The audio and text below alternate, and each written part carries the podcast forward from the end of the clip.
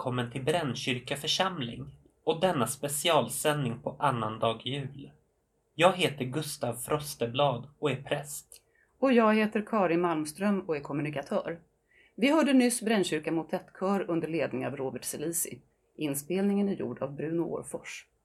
Nu får vi höra personalkören sjunga Kom Jesus, kom Immanuel. En psalm som hör adventstiden till. Därefter två välkända och älskade sånger från samma inspelning med motettkören.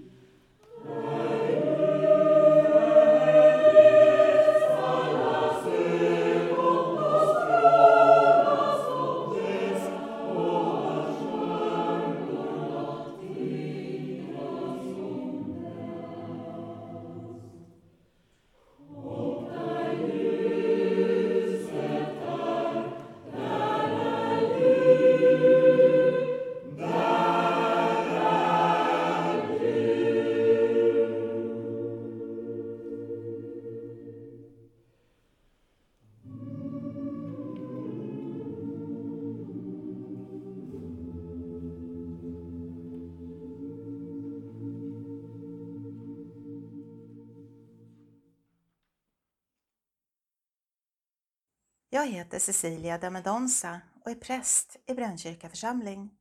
Nu ska jag läsa julevangeliet. Vid den tiden utfärdade kejsar Augustus en förordning om att hela världen skulle skattskrivas. Det var den första skattskrivningen och den hölls när Quirinius var ståthållare i Syrien. Alla gick då för att skattskriva sig, var och en till sin stad. Och Josef, som genom sin härkomst hörde till Davids hus, begav sig från Nasaret i Galileen upp till Judeen, till Davids stad Betlehem, för att skattskriva sig tillsammans med sin Maria, sin trolovade som väntade sitt barn. Medan de befann sig där var tiden inne för henne att föda och hon födde sin son, den förstfödde. Hon lindade honom och lade honom i en krubba eftersom det inte fanns plats för dem inne i härberget. I samma trakt låg några herdar ute och vaktade sin jord om natten. Då stod Herrens ängel framför dem och Herrens härlighet lyste omkring dem och de greps av stor förfäran. Men ängeln sade till dem, var inte rädda. Jag bär bud till er om en stor glädje, en glädje för hela folket. Idag har en frälsare fötts åt er i Davids stad. Han är Messias, Herren. Och detta är tecknet för er. Ni ska finna ett nyfött barn som är lindat och ligger i en krubba. Och plötsligt var där tillsammans med ängeln en stor himmelsk här som prisade Gud. Ära höjden åt Gud och på jorden fred åt dem som han har utvalt. När änglarna hade farit ifrån dem upp till himlen sade herdarna till varandra Låt oss gå in till Betlehem och se det som har hänt och som Herren har låtit oss veta. De skyndade iväg och fann Maria och Josef och det nyfödda barnet som låg i krubban. Och när de hade sett det berättade vad som hade, vad som hade sagts till dem om detta barn. Alla hörde det, häpnade över vad hedarna sade och Maria tog allt detta till sitt hjärta och begrundade det. Och herdarna vände tillbaka och prisade och lovade Gud för vad de hade fått höra och se. Allt var så som det hade sagts dem.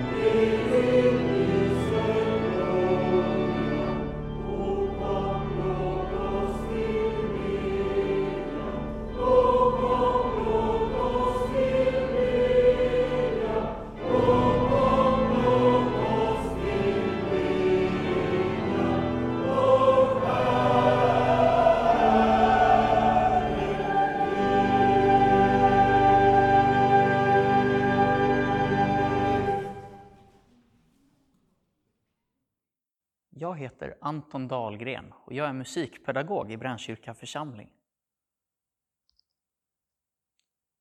2020 har varit ett år fyllt till bredden av önskan att saker vore annorlunda. Kanske mer som i fjol. Kanske att vi bara kan snabbspola oss in i framtiden när vi kan ses och umgås som vi vill och behöver. När vi kan visa våra medmänniskor kärlek utan att oroa oss för att försätta dem i fara. Det har verkligen blivit tydligt nu i juletid när kyrkorna står tomma. När vi inte kan bjuda in barn och berätta om julens mirakel. Eller när jag inte fått äta julbord med min mormor som jag brukar. Livet är fullt av prövningar och även denna kommer vi övervinna. Även om det kräver något så svårt av oss som att göra ingenting alls. Men julen är också en tid för mirakel och drömmar. Och just nu vill jag bara drömma om nästa jul, om förra julen, om jular från min barndom. Och jag hoppas att ni tillsammans med mig vill blunda och lyssna medan jag låter min gitarr inspirera denna juldrömmen. Nu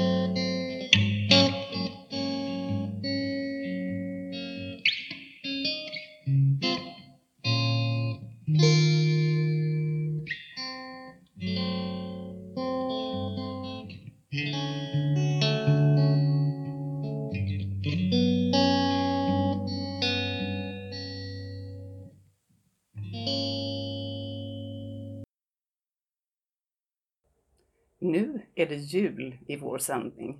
Jesusbarnet är fött och natten, den är stilla. Här kommer personalkören igen.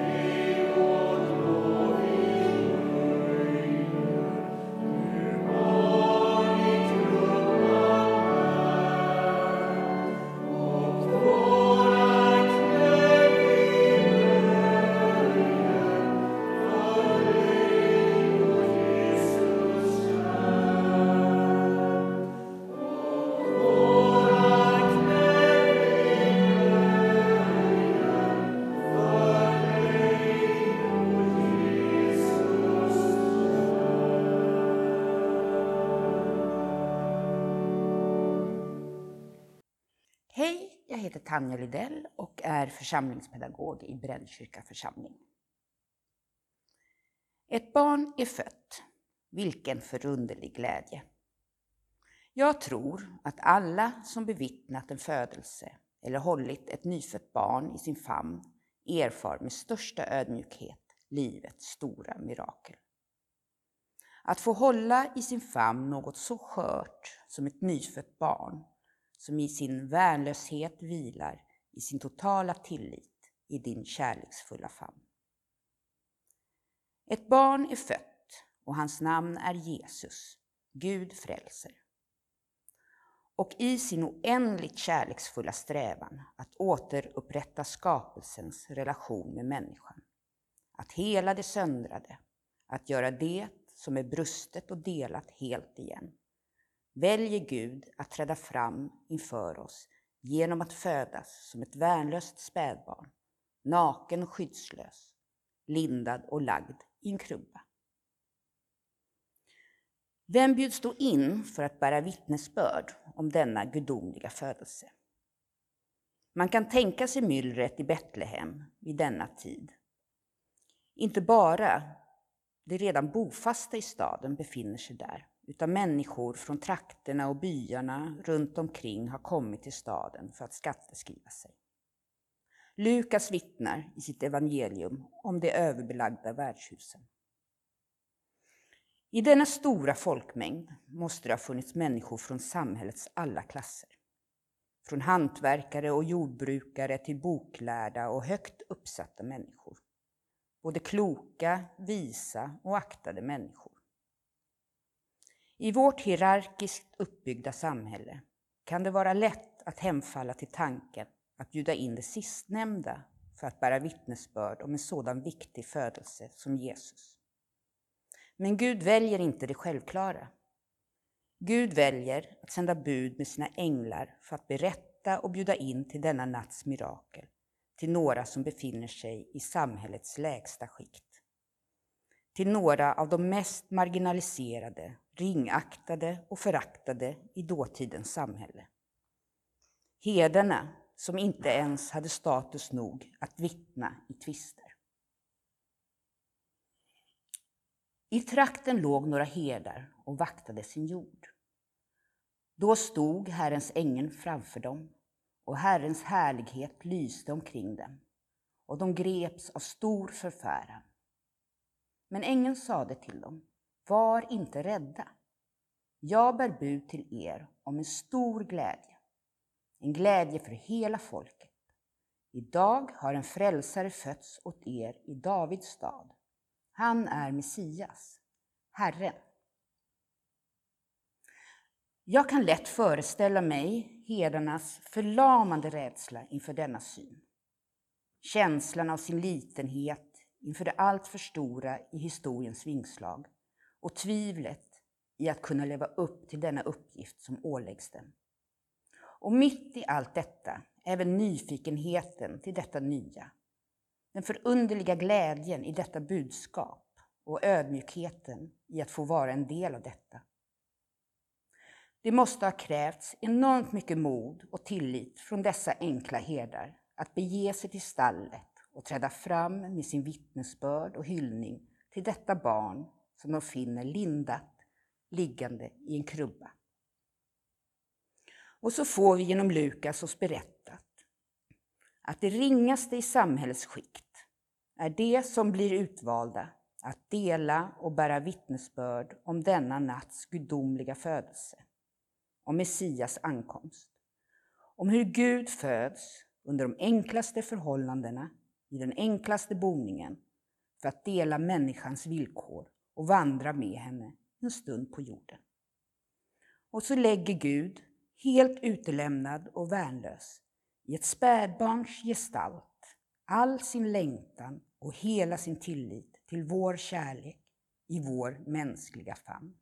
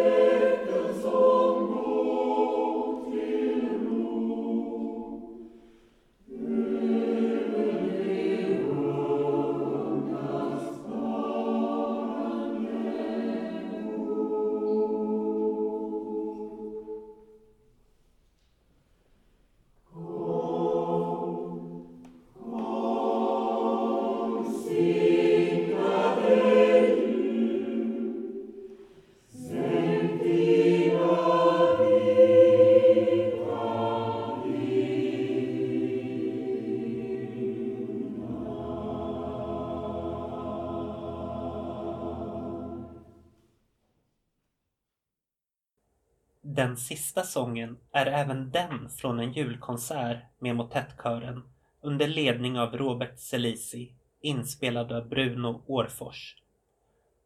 Och vad är väl en jul utan Jussi Björling?